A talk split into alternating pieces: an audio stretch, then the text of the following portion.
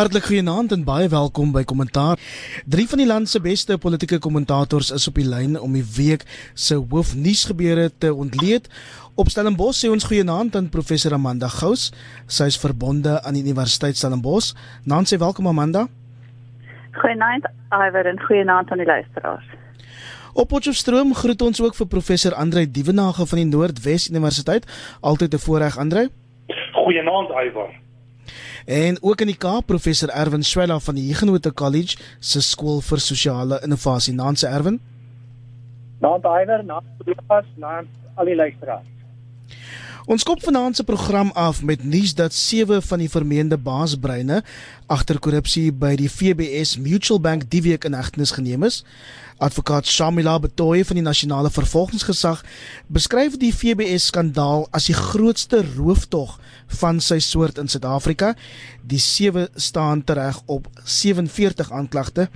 Amanda ons praat hier van iets soos 2.2 miljard rand se korrupsie en ek dink dis miskien gepas om heel eerste 'n lansie te breek vir ondersoekende joernaliste soos Paulie van Wyk van die Daily Maverick wat sorg dat niks onder die mat weggesteek word nie Amanda.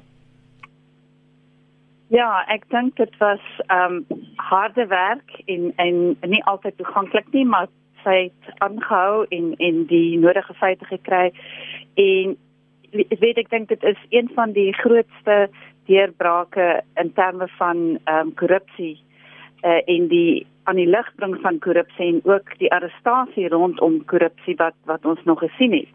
Hierdie ehm um, wel ek het 8, jy sê daar 7, maar ek dink daar's 8 uh, eh, verdagtes. Het tussen die 8 van hulle uh 122 miljoen rand uh verduister. En ons moet ook nie vergeet dat daar uh, name van politici by betrokke is soos die van Julius Malema en Floyd Shivambuni. Uh die die volgende stap uh is om byvoorbeeld die beskuldigdes of die verdagtes um, uh, van uh, die munisipaliteite wat betrokke was by hierdie skandaal uh, te arresteer. So ek dink ons gaan nog 'n hele klomp name sien en ons gaan eintlik verbaas staan oor hoe diep hierdie ehm um, korrupsie gegaan het en en soos jy sê ons moet baie dankbaar wees dat ons die uh, vryheid van spraak het vir ondersoekende journalistiek. En natuurlik die nasionale vervolgingsgesag wat die laaste paar maande onder baie druk is want mense is angstig om arrestasies te sien erwin. Paulie van Wyk wat die FBS skandaal oopgevlek het. Sy reken die EFF kan maar op en afspring soos hulle wil ook haar woorde want sy glo bewyse teen hulle spreek van self en dit bring ons by daai miljoen dollar vraag wat Amanda nou vluggies aangeraak het. Wie is volgende? Wie word volgende negnis geneem? Ek dink daar's 'n hele reeks van gekoppelde individue en instellings en almal van hulle is waarskynlik nou maar taamlik uh, benoud. Ehm um, as ons daarna gaan kyk, dan is daar bepaal oor die hele spektrum van politieke en veral dan nou politiek in in in die betrokke area in die Wenda omgewing ehm um, daar in die, in, in die noorde van die land is daar 'n uh, soort netwerk wat gekoppel is aan beide die ANC en die EFF. So dit is nie net die EFF wat betrokke is nie, daar is dis daai verbintenisse wat bestaan. So die politici kan ehm um, volgende aan die orde kom. Dit kan ook wees dat daar nog van die amptenare van die bank is en veral van die munisipale amptenare waarna Amanda reeds gewys het. Wat 'n mens nou moet gaan kyk is dat ja, dit is 'n groot deurbraak. Maar dit is nogtans die ore van die seekoei. Ehm um, die endemiese korrupsie. Uh, in hierdie geval is die FBS dan op 'n of ander manier 'n bankinstelling, 'n koöperatiewe bank En, maar dit sit nog steeds 'n bietjie op die rand van die diep liggende sweer wat hier wat hier is. So binne hierdie konteks gaan waarskynlik volgende aan die aan die bod kom nog van die amptenare en dan bepaal ook van die munisipale amptenare wat deur politici beïnvloed was om die beleggings te maak en uiteindelik dan uh, die politici wat daarbey gebaat het. Dit is 'n uitgebreide netwerk van misdadigers en hulle behoort almal aan die pen te ry, maar hierdie netwerk is gekoppel aan nog honderde soortgelyke netwerke. En dit beteken eintlik die nasionale vervolgingsgesag het nog 'n groot taak op hande om hierdie een uit te sorteer plus nog die vele ander wat op, op die horison is. Andre om oor daai netwerke bietjie bietjie verder te praat, dit sluit nie net beskuldigdes van die EFF in nie, maar ook ANC figure wat uiteindelik na bewering by die geld baat gevind het. Hou jy asem op dat al hierdie beskuldigdes uiteindelik in oranje oorpakke sal opeindig? Wel, uh, Iwer, dit is die groot vraag. Tot watter mate bestaan die politieke wil om regtig op te tree en te handel in terme van 'n konstitusionele staat en 'n effektiewe strafregstelsel. En ek dink daar is groot kommer. Ons wag nou al vir 'n lang tyd vir optredes rondom verskeie sake met inbegrip van die FBS bank en mense is bly oor die stappe wat reeds geneem is. Maar die groot toets gaan werklik lê wanneer die groot visse en ek lees hulle as politici uh in die versuur kom van die vervolgingsgesag. En hier is die name bekend, Amanda het hulle verwys. Ons praat van Floyd Shivambu, ons praat van Julius Malema. Maar nou moet ons net onthou, die ANC is ook nie heeltemal los van hierdie oefening. En dit werk terug primêr na die tuisprovinsie van meneer Cyril Ramaphosa. En dan moet ons ook onthou op 'n ander lyn hardloop die Zuma saak op die oomblik en ons is bewus van die hangende sake teen Ysmagashule en ek moet sê ek is bekommerd dat die pakket wat op tafel kan kom te groot kan wees vir die konstitusionele staat en sy kapasiteite om te hanteer om nie eens te praat van die politieke implikasies. My indruk is hier lê 'n baie groot toets vir die konstitusionele staat en ook vir die oppergesag van die reg. Baie beslis Amanda, as jy ook soos Andre bekommerd en en spesifiek dat politieke inmenging dalk by die FBS saak in jy weet dit in duie kan laat stort want ek sien in die Sunday Independent vandag hulle waarsku volgens hulle bronne teen die verpolitisering van die verhoor en ook oor die tydsberekening van die arrestasies Amanda. Ja, ek is nie so seer bekommerd oor die president en en dat daar inmenging van daardie kant af sal kom nie, maar wat ons reeds sien is dat ehm um, Julius Malema allerhande geleide maak oor byvoorbeeld COVID en dat die dat die uh, president in die kabinet te gou die ekonomie wil oopmaak, dis te vroeg. So hy probeer aandag aftrek van die die WPS saak en um en en dit is waar dat ons sal 'n uh, politieke wil moet hê, maar ons moet ook begryp dat die vervolgingsgesag en die kriminele regstelsel is afsonderlik van die van die uh politieke gesag. Met ander woorde, hulle het nie nodig om uh die politiek in ag te neem nie. So as hulle wil voortgaan as uh met met vervolging en en, en dit beland in die kriminele stelsel waar dit nou alreeds is. Ek meen um, die mense is gearresteer. Dan kan dit voortgaan en dit sal um, basies as daar politieke inmenging is, um, dan sal dit die tipe inmenging wees wat mense ook duidelik sou kon sien en ek dink ehm um, die die ANC kan dit nie op hierdie stadium bekostig nie. Ons staan voor 'n plaaslike verkiesing. Ehm um, en hulle het reeds van die munisipale amptenare wat ehm um, uitgewys is in in die in Limpopo uh, wat betrokke is by hierdie skandaal. Party van hulle is is reeds vervang of is ehm um, geskort. So ek ek vermoed uh, jy weet dat dat daar ook ehm um, in in terme van die, van die van die president se uh, se idee om 'n skoon regering te hê en om korrupsie uit te roei tog 'n um, wil bestaan om om hierdie ding die nek in te slaan. Intussen het president Cyril Ramaphosa Woensdag aand weer die nasie toegespreek en weer verskeie veranderings aan die inperkingsregulasies aangekondig. Om dit op te som, jy mag weer jou hare sny, jy mag gaan dobbel konferensies bywoon, gaan uit eet en selfs gaan fliek, solank jy net nie by familie of vriende gaan kuier en ook nie rook nie, Erwin. En die ironie is dat ons dan steeds amptelik op vlak 3 is. Maak hierdie regulasies vir jou sin? Ek dink mense moet begin deur te sê dat dit 'n baie komplekse uitdaging is om mense se lewens op so 'n diep liggende vlak te reguleer. Uh so dit dit skep bepaalde dilemmas. Um, en ek dink 'n mens moet daarmee simpatie hê. Hier is die grondliggende dilemma is het jy aan die een kant hierdie regulasies wat probeer om dan nou verdere verspreiding te voorkom.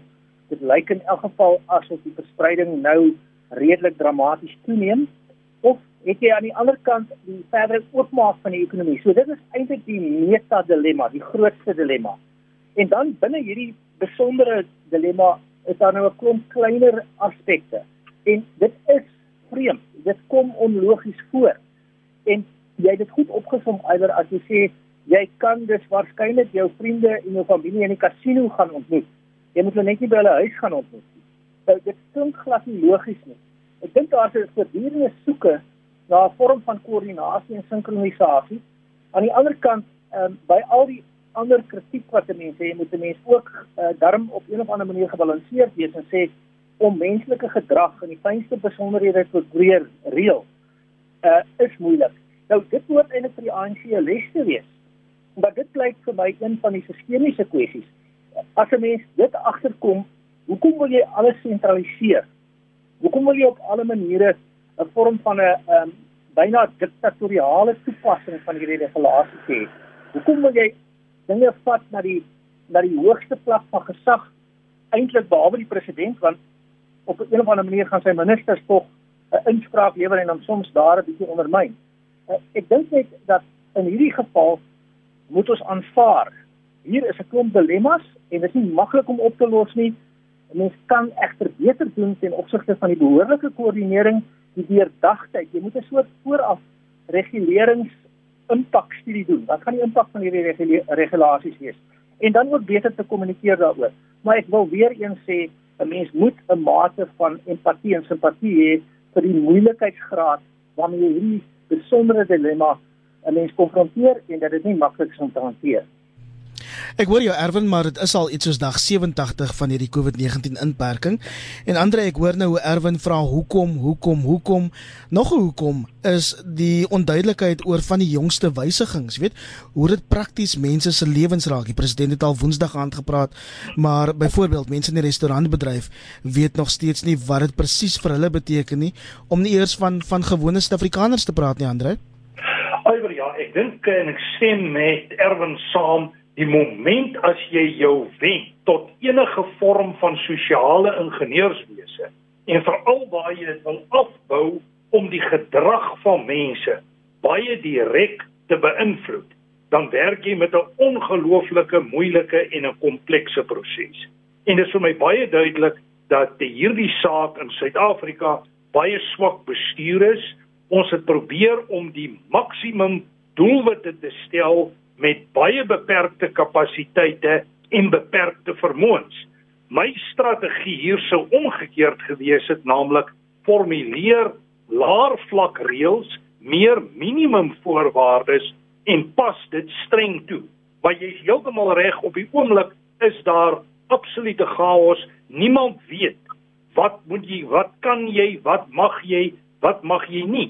En lyk my asof die samelewing in 'n groot mate na normaal toe begin terugkeer en ek moet sê as ons nou 'n groot krisis tref, gaan dit baie moeilik wees om weer baie streng inperkings ingestel te kry.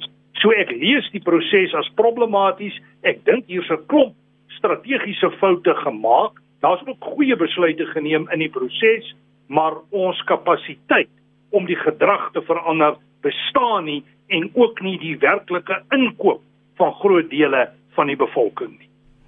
Amanda, om dit verder in perspektief te plaas en by Andre aan te sluit, ons het nou gesien dat die amptelike infeksiesyfer vir COVID-19 nou op iets soos 88000 staan. Dit het um, in die laaste dag met 5000 geklim, um, die grootste nog per dag en ons weet dat die minister gewoonlik hier tussen 8uur en 9uur saans die jongste syfers bekend maak. So ons beweeg nou nader aan die 90000 kerf. Ehm um, kortliks waar staan ons met hierdie toetsing COVID-19? Kry jy die indruk soos baie Suid-Afrikaners dat die regering nou ehm um, bietjie oorgegee het in hierdie stryd? Nou, dit ons doen nie eintlik toetsing van die hele bevolking nie, dat die wat dit op die oomblik is is as jy ouer 60 ouer as 60 is en jy het simptome. So ek dink daar is 'n 'n ondertoetsing en ook heel moontlik um, is ons nie heeltemal bewus van baie infeksies wat wat mense wel het wat ook jy weet by die huis bly en en nie werklik baie siek word nie.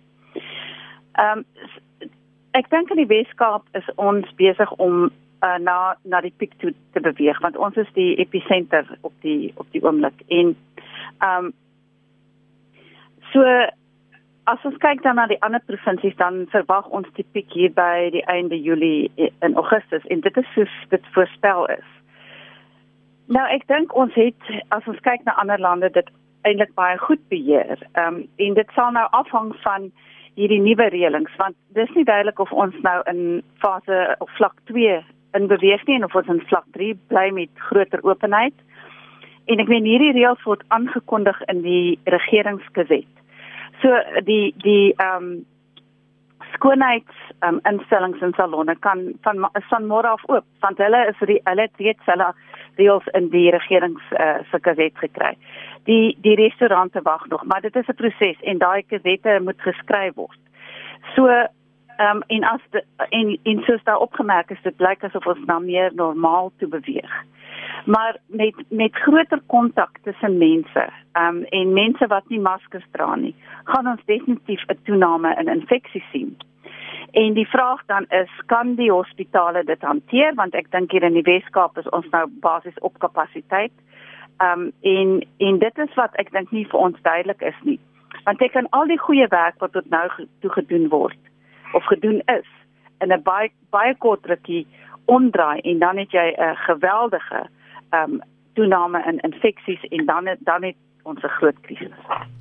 Ek dink die def, die Weskaap is definitief op kap, kapasiteit en ek sien hier op my televisieskerm flits nuusflitsse sê die Weskaap begin nou massa grafte um, begrawe ter ter voorbereiding vir wat hulle verwag met COVID-19 maar buiten die die ehm um, gesondheidsimpak is dit natuurlik ook 'n ekonomiese impak.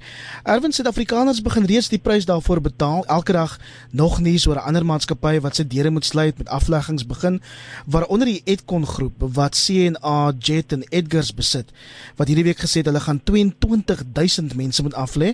Het ons die politieke leierskap in plek om ons deur hierdie donker dae te, te kan dra? Wel ek weet nie of daar 'n land in die wêreld is wat seker is om hierdie goed te hanteer nie. En Suid-Afrika natuurlik is nou in die oog van die perfekte storm.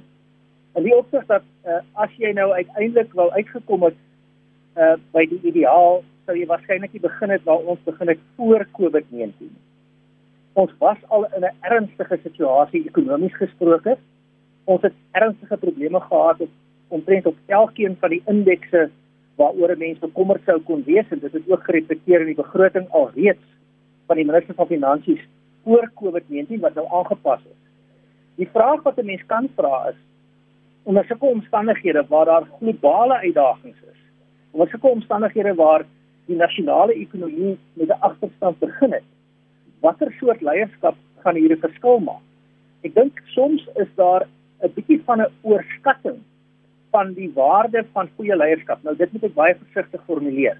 Wat ek daarmee sê is dit soms is die sistemiese kwessies die uitdagings waarmee mense gekonfronteer word net so groot dat selfs die beste leierskap in die wêreld dit moeilik vind om te hanteer. Want dit is net sulke komplekse uitdagings dat dit nie maklike oplossings het nie. As jy dan nog 'n verdere dilemma het dat jy nie goeie leierskap het nie en dat jy by 'n agterstand begin het, dan dink ek kan jy uiteindelik verwag dat dit baie slegter nog gaan gaan. Um, ons weet dat die uh, internasionale monetaire fonds en die ander uh, Bretton Woods instellings, uh, die die Wêreldbank en so voorstel nou dat by ekonomieë waar daar eintlik relatiewe vorms van veerkragtigheid en standhoudendheid was, gaan die resessies in die die 10-12% en die werkloosheid gaan miskien op na 15%.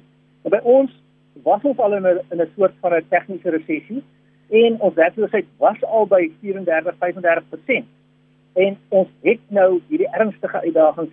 Ek weet nie watter leierskap hier 'n verskil kan maak nie. Ehm um, ek sou nie graag daai leierskapsposisie wou opneem nie.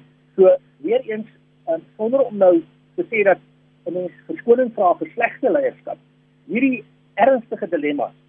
Verf eintlik 'n soort wonderwerk leierskap wat ek dink nie iewers bestaan nie. Ons is in 'n baie moeilike tye onder die omstandighede. En die wêreld is in baie moeilike omstandighede. Tito Mboweni gaan nou Woensdag 'n paar ongewilde begrotingsbesluite na verwagting aankondig. Die regering bevind hom in 'n ongekende situasie met die hersiening van die begroting gedurende die halfjaar weens ekonomiese en gesondheidskrisis en meer daaroor net hierna in finansiële fokus met ryk van die kerk. Dis nou 21 minute oor 8 jy luister na kommentaar op RSG en meneer Ramaphosa sê intussen ook in sy laaste toespraak dat die land ook 'n pandemie van geslagsgebaseerde geweld op hande het. Die president erken dat Suid-Afrika een van die gevaarlikste plekke vir 'n vrou is. En ehm um, Andre, ek moet sê dit voel of ons nou 'n ou gesang oor en oor begin sing want ons het al soveel keer in die verlede op hierdie program op ander programme daaroor gepraat. Wat mis ons in in hierdie debat? En selfs belangriker is net blote debat, aksieplanne om hierdie brutale aanslag op ons land se vroue te kan te kan keer. Dink eh, my definisie van ons probleem is dat ons nie net 'n probleem het ten opsigte van geweld teen groepe wat kwesbaar is, nie vroue, kinders en ander groepe nie, maar dat ons in die algemeen 'n probleem het as 'n baie gewelddadige samelewing met 'n kultuur van geweld. En op 'n manier word dit nie aangespreek nie. Dit speel uit op talle terreine van die samelewing en uiteindelik raak dit die kwesbare groepe. En dit is baie duidelik dat die laaste tyd was daar 'n groot getal moorde op vroue. Ons is konstant bewus van die uitdagings rondom kinders en as mens bloot kyk na jou maatskaplike orde binne die samelewing en jy kyk hoeveel uh, mense is enkel lopend kinders wat net een of geen ouers het dan besef jy ons het geweldige struktuurprobleme en ek wil ook op hierdie vlak aansluit by wat Erwin vroeër gesê het, leierskap alleen kan nie vir ons hier die al die aller antwoorde bring nie. Ons het hier oplossings nodig van sistemiese aard waar ons kultuur, waardes en norme moet skuif. En dit is nie goed wat jy maklik vinnig en oornag kan regkry nie.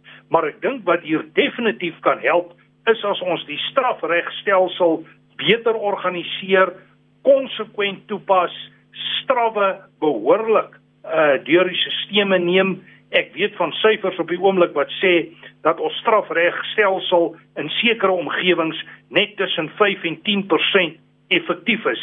Ek dink dit sal 'n begin wees om 'n baie groter problematiek uh aan te spreek en uiteindelik wil jy die kultuur en die gedrag van mense verander. En soos ons weet, dit is nie maklik nie. En dis presies wat minister Ronald Lamola hierdie week gesê het Amanda. Hy sê Suid-Afrika het bo alles 'n kultuurverandering nodig. Kry jy die indruk dat meneer Ramaphosa se kabinet geweld teen vroue en kinders ernstig opneem? Want ek moet vir jou sê dis vreeslik hartroerend om die president te hoor ehm um, die name voorlees ehm um, van van vroue wat onlangs deur mans in Suid-Afrika doodgemaak is. Maar is iets anders om om dit te transleer tot tot aksie Amanda? Ja, en ek stem saam met uh, Andre dat ons 'n um, 'n sistemiese probleem het. En die groot probleem uh, tot dusver, soos ek dit sien, is dat daar so nou gefokus word op die op die regstelsel. Jy weet die die feit dat die ANC vroue liga sê hulle hulle ehm um, kreet is uh, rapist must rot in jail um en so aan. Beteken dat daar word die hele tyd gesê maar dis die dis die wette wat val en dit is maar een aspek van die oplossing vir hierdie probleem. Dit is 'n kultuurprobleem, 'n geweldskultuurprobleem en dit is ook 'n probleem van ehm um, wat ons noem masculinities of of manlikheid. Ehm um, in die sin dat ehm um, ons moet gaan kyk hoekom mans so gewelddadig is en hoekom mans die reg in eie hande neem om vrouens dood te maak as hulle nie kry wat hulle wil hê nie. Ehm um, die die statistieke is so oorweldigend. Ek meen in die afgelope week is daar 20 vroue doodgemaak deur mense met wie hulle in 'n verhouding is. So die die intimate femicide is die is vyfmaal hoër in Suid-Afrika as in enige ander plek in die wêreld. En ons moet die vraag vra, wat is dit? Uh wat mans dryf daartoe om so geweldig teenoor gewelddadig teenoor vrouens op te tree? En ek dink dit is hoekom daar gekyk moet word na die navorsing wat gedoen word oor manlikheid. Daar moet gekyk word na ehm um, die sosialisering wat kinders ondergaan uh die feit dat daar afwesige vaders is, uh die die feit dat armoede 'n groot rol speel en die feit dat daar um seuns nie met rolmodelle groot word nie. Gesonde rolmodelle nie. Um en en dit beteken dat daar oplossings moet kom uit, uit verskillende sektore in die samelewing. En onderwys sal een moet wees. Um die die feit dat uh, sosiale ontwikkeling sal moet kyk na hoe kinders groot word en wat gedoen kan word uh om om beter omstandighede vir kinders te veroorsaak en so aan. So jy kan nie net aan 'n een eenduidige oplossing dink nie. Dit is 'n baie meer komplekse hmm. probleem met 'n wat wat komplekse antwoorde verg. Erwin, om die gesprek saam te vat, dit val my op dat soveel van ons politieke leiers in die laaste paar weke parallelle trek tussen drankmisbruik of selfs drankgebruik en ons hoë misdaadvlakke ook wat geweld teen vroue betref. Maak dit vir jou sin. Ek ek, ek sou graag wetenskaplike studies daaroor wou sien, maar is definitief die narratief wat uit regeringskringe gedruk word dat drank die oorsaak is van dit alles. 'n Mens moet altyd mooi gaan onderskei uh iwer in waarskynlikheid teenoor oorsaaklikheid. Ehm um, en dit is nou 'n bietjie wetenskaplik, maar kom ek verklaar dit vinnig. Ehm um, dit wil voorkom asof daar aanduidings is dat wanneer drank byvoorbeeld vryliker te koop is, is nog nie vrylik te koop nie, onmiddellik is daar 'n beduidende ehm um, hoër insidensie wil dit voorkom. Ons moet al hierdie goed natuurlik gaan toets, né? Dis nou hipoteties, ons is nog nie seker nie, maar dit wil voorkom of ons kan voorveronderstel dat dit lyk op daar 'n soort ehm um, waarskynlikheidsverband is dat hoe meer drank gebruik word of verkoop word, hoe groter raak die insidensie van geweld teenoor teenoor die die swakkeres in die samelewing en eh uh, veral teenoor vroue en kinders. Eh uh, maar dit is nie noodwendig sodat dit die oorsaak is nie. Ons sal moet gaan kyk wat is nog verder onderliggend aan hierdie oorsake.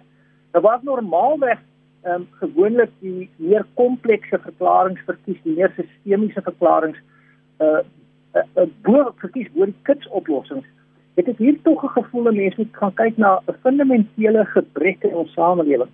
En dit wil vir my voorkom asof daar hier 'n fundamentele gebrek en dis 'n baie breë kwas aan respek is. Ek dink as ons nou 'n funksie vir leierskap moet kry, dan moet leierskap met respek praat van die ander. As die oppositie respek kan hê vir die regering, as die regering respek kan hê vir vir vir vir, vir die oppositie. As ehm um, ehm um, arbeiders respek kan hê vir bestuurders, as kinders respek kan hê vir ouers. Dit lyk my ons het ons het heeltemal 'n verlies aan aan respek en en daai daai verlies aan respek spoel dan oor. Nou ek weet dit is ook 'n oorvoudiging. Um, ek kan miskien sê ek het in 'n laer middelklas huis aan die verkeerde kant van die skoollyn groot geword en met waarskynlik 'n relatief paternalistiese opvoeding. En ek weet nie of dit die regte ding of die verkeerde ding was, maar dit voel my tog reg. Een van die grondreëls in my huis, die huis waar ek groot geword het, met 'n pa wat 'n spoorweg ambagsman was, is jy lig nie jou hand op teenoor 'n vrou nie. Nou dit dit dit, dit mag te oorveenvoudig wees en Amanda sal my 'n baie beter soort van inkleding kan gee van wat daarmee saamhang. Maar dit is nie 'n basiese respek. Ek dink ons het dit verloor. Ons hoort eintlik vir elke politieke leier in hierdie land te sê jy moet elke toespraak begin deur te sê kom ons betoon respek teenoor die ander. Dit is maklik om respek teenoor jou eie mense te betoon en die mense wat naby aan jou is. So dit lyk dit my is iets waarna waarna ons moet werk. En ek weet dit is nou 'n bietjie algemeen en dalk 'n bietjie wonderlik. Laaste punt. Ons praat oor die goed. Ek weet van jare se uh, veldtogte teen geslagsgeweld elke jaar. Ehm um, die vraag is wat gaan ons hieromtrent doen? Ehm um, en ja, dit kan nie net kriminele regstelsel uh, optrede wees nie. Dit moet op 'n manier in die opvoedkundige stelsel in die huisgesin ingebed word en weer eens ons het ernstige probleme met die soort struktuur en samestelling van ons huisgesinne waarmee ek nie sê dat daar net een vorm van 'n huisgesin is nie, maar in alle vorme van huisgesinne deur al liefde en respek te wees. En dit lyk my nie dit geld ons nie. Ons beweeg nou na ander nuus hier op kommentaar en president Ramaphosa het die week ook die Vryheidsfront Plus getakel en die doekies omgedraai toe hy gesê het dat swart ekonomiese bemagtiging hier is om te bly nie. Andre rapport kom vandag die president by 'n hoofartikel en die koerant sê meneer Ramaphosa ry graag die rasperd soos toe hy Vrydag gesê het dat baie wit mense nog klou aan hulle voorregte. Hoe ervaar jy dit? Uh Iwer ja, dit is my baie interessant om meneer Ramaphosa se uitsprake oor die laaste paar weke dop te hou. En dit is vir my asof hy baie sterk populisties draai en asof hy die tipe standpunte inneem wat hom populêr maak in sekere omgewings. En die die kwessie van SEB, swart ekonomiese bemagtiging, is definitief deel daarvan. Wat ek ervaar as 'n geweldige kontradiksie is die feit dat hy praat van 'n inklusiewe samelewing waar jy is net inklusief in sekere terme en hier is definitiewe rasuitsluiting. En dit het my ook geweldig bekommer dat daar raskriteria en dis ook deur die howe gesanksioneer gebruik is in terme van COVID gelde en ondersteuning. En dit wil maar net vir my sê ons vorder nie in die rigting van 'n nie rassige, nie seksisties demokratiese samelewing nie. Ons hak die heeltyd vas en in baie opsigte het ons steeds vandag net soveel rasgebaseerde wetgewings as wat ons destyds gehad het. So dit is vir my 'n probleem. Ek dink die Vryheidsfront Plus het 'n punt daar beet, maar ek verstaan ook dat die ANC baie moeilik kan beweeg van hierdie punt want dit raak letterlik die kernstruktuur van hulle politieke paradigma. Hmm. Amanda teen hierdie agtergrond van die president se uitlatings en en ander het nou daarna verwys die Gautengse Hooggeregshof wat Vrydag bevind het dat ras as kriteria gebruik mag word in die toekenning van COVID-19 staatshulp as swart ekonomiese bemagtiging dan hier is om te bly in die president se woorde. Waar lê die middeweg tussen tussen dit en die skep van 'n inklusiewe ekonomie want dis ook wat die president vir ons sê hulle probeer doen. Ja, en ek ek dink ehm um, Andre het nou gewys daarna hoe hoe uh, hoe 'n kontradiksie dit is. En ek dink vir my was dit ook baie problematies dat daar in die COVID tyd uh hierdie kriteria vir swart ekonomiese bemagtiging gebruik is want ons het juist voor voor die grendeltydperk gepraat oor hoe kan klein besighede uh in in die ekonomie wat staat maak op klein besighede verander om meer mense in diens te neem dat ons van die bureaukratiese rompslomp ontslae moet raak. En daar was 'n 'n goeie gesprek daaroor gewees en nou is ons terug by by swart ekonomiese bemagtiging. En ons weet dat baie van hierdie klein besighede wat diep in die knyp nou is verskaf werk aan 'n hele klomp mense. En om dit dan aan 'n raskriteria uh, onderhewig te maak dink ek is is hoogs problematies. Um so ek dink ons ons het nou jy weet gevorder uh en ons is nou in 'n tydperk na 'n baie uh vreemde tydperk wat waar daar 'n breek is basies tussen wat voor Covid gebeur het en wat na Covid gebeur. En ek sou sê dat dit ehm um, jy weet baie blind is van die staat om om voort te gaan om te sê swart ekonomiese bemagtiging moet as 'n kriterium gebruik word. Ek dink daar's baie ander ehm um, kriteria soos geslag. Wat doen ons vir vroue in die informele sektor byvoorbeeld wat wat nou baie ernstig deur Covid geraak is? Uh, dan gaan dit oor oor vrouens. Nou, jy weet, ek dink daar moet baie meer gesofistikeerd en genuanceerd gekyk word na wie het wat se tipe hulp nodig. Um en en ons maak werklik nie vordering uh met met swart ekonomiese bemagtiging om werklik die ekonomie te verander sodat dit meer inklusief is nie. Erwin Amanda bepleit 'n meer um, inklusiewe benadering tot inklusiwiteit en meneer Ramaphosa sê ook vir ons Vrydag, hy sê Na hierdie COVID-19 pandemie gaan ons as 'n regering, dis sy woorde, alles doen om swart ekonomiese bemagtiging te versterk. Ek gaan jou vra om die gesprek op te som en dit ook kort en kragtig te hou dat ons in Amerika 'n draai kan gemaak. By ontleding is baie eenvoudig onder toestande van groter wordende skaarsheid en dis wat ons sien as gevolg van al hierdie krisisse, die krisis voor COVID, die krisis as gevolg van COVID, is daar minder om uit te deel. As daar minder om uit te deel is, dit wil sê skaarsheid, dan word mag 'n belangrike faktor en die behoud van mag om uiteindelik die skaarsheid vir bepaalde groeperinge diferensieel toe te deel. En ek kan net sien dat hierdie uh, kommunikasiestrategie is uh, meer as net 'n kommunikasiestrategie. Dit is 'n uh, meer uitbreidende siening dat um, ons op 'n of ander manier die politieke samestelling, die magsamestelling moet verander om weliswaar ten regte die voorheen benadeeldes te help onder omstandighede van groter wordende skaarsheid beteken dit dat die neiging om dan te sê ons moet dit vat van die mense wat reeds welvarend is en gee vir die mense wat nie welvarend is nie dit word dan 'n baie groot versoeking. En dan kan jy maklik die fout maak om terug te gaan na die rassekriteria wat 'n groot fout is want dit het 'n ernstige implikasie vir sosiale samehorigheid terug na die staat se vermoë. Ek het 'n groot uh, aanvoeling dat jy het vir hierdie massa massiewe infrastruktuurprojekte het jy die staat nodig?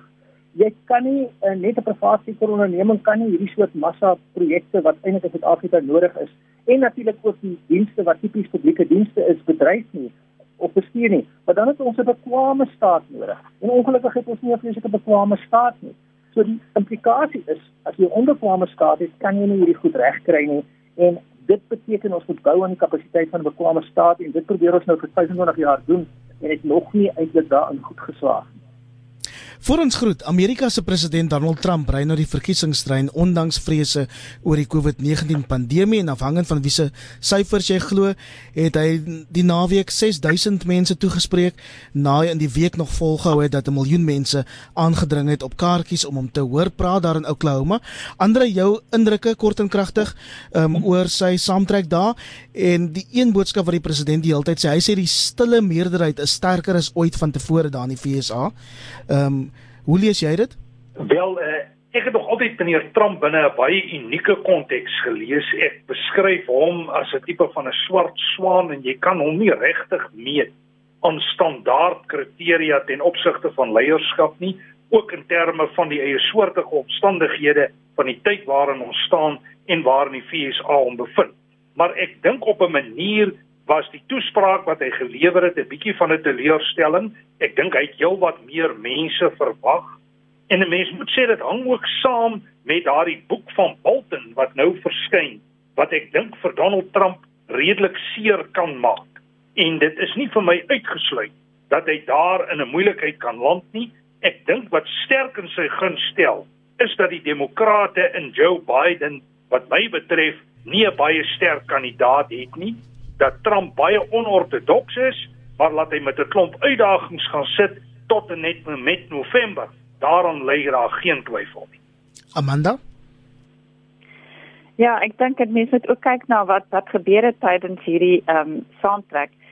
Uh ses van sy uh personeellede wat wat deel is van die veldtog het positief getoets vir COVID en daar was meeste mense by daai saamtrek het nie maskers opgehad nie en hulle was binne gewees. Dit was nie 'n buite veld of nie. So jy weet mense kan werklik baie siek siek raak want deur die verspreiding van van die virus. En ek dink dit gaan ook teen hom tel. Jy weet dat hy nog die hele tyd geweier om om die virus ernstig op te neem. Ehm um, en en nou dat hy jy weet deel is sy personeel deel is van die verspreiding van die virus, dink ek dis problematies, maar die die die feit is dat hy het 'n groot ondersteuningsbasis in die in die regse vleuel van van die FSA bevolking. En ek maar ek dink ook dat die afgelope tyd sy sy gebrek aan empatie met die mense wat dood is, daar's 120 000 Amerikaners reeds dood. Ehm um, sy sy uh die hele stand wat hy ge, ge doen het daar met die Bybel voor die kerk het nie goed afgegaan met mense nie. So ek dink in 'n sin is hy ook besig om homself in die voete skiet en en ek dink hoe nader ons aan November gaan kom, hoe meer gaan ons sien waar sy steen lê en want as ons kyk na meningspeilings op die oomblik het dit hmm. baie afgekom. Terloops daai gelekte boek waar eh, na Andre nou verwys, ehm um, beweer ook dat ehm um, die president van Amerika asiel en burgerskap vir wit boere in Suid-Afrika wou aanbied. Baie dankie professor Amanda Gous, professor Andre Dievenage en professor Erwin Swela. My naam is Iver Price. Veilig bly, mooi week verder.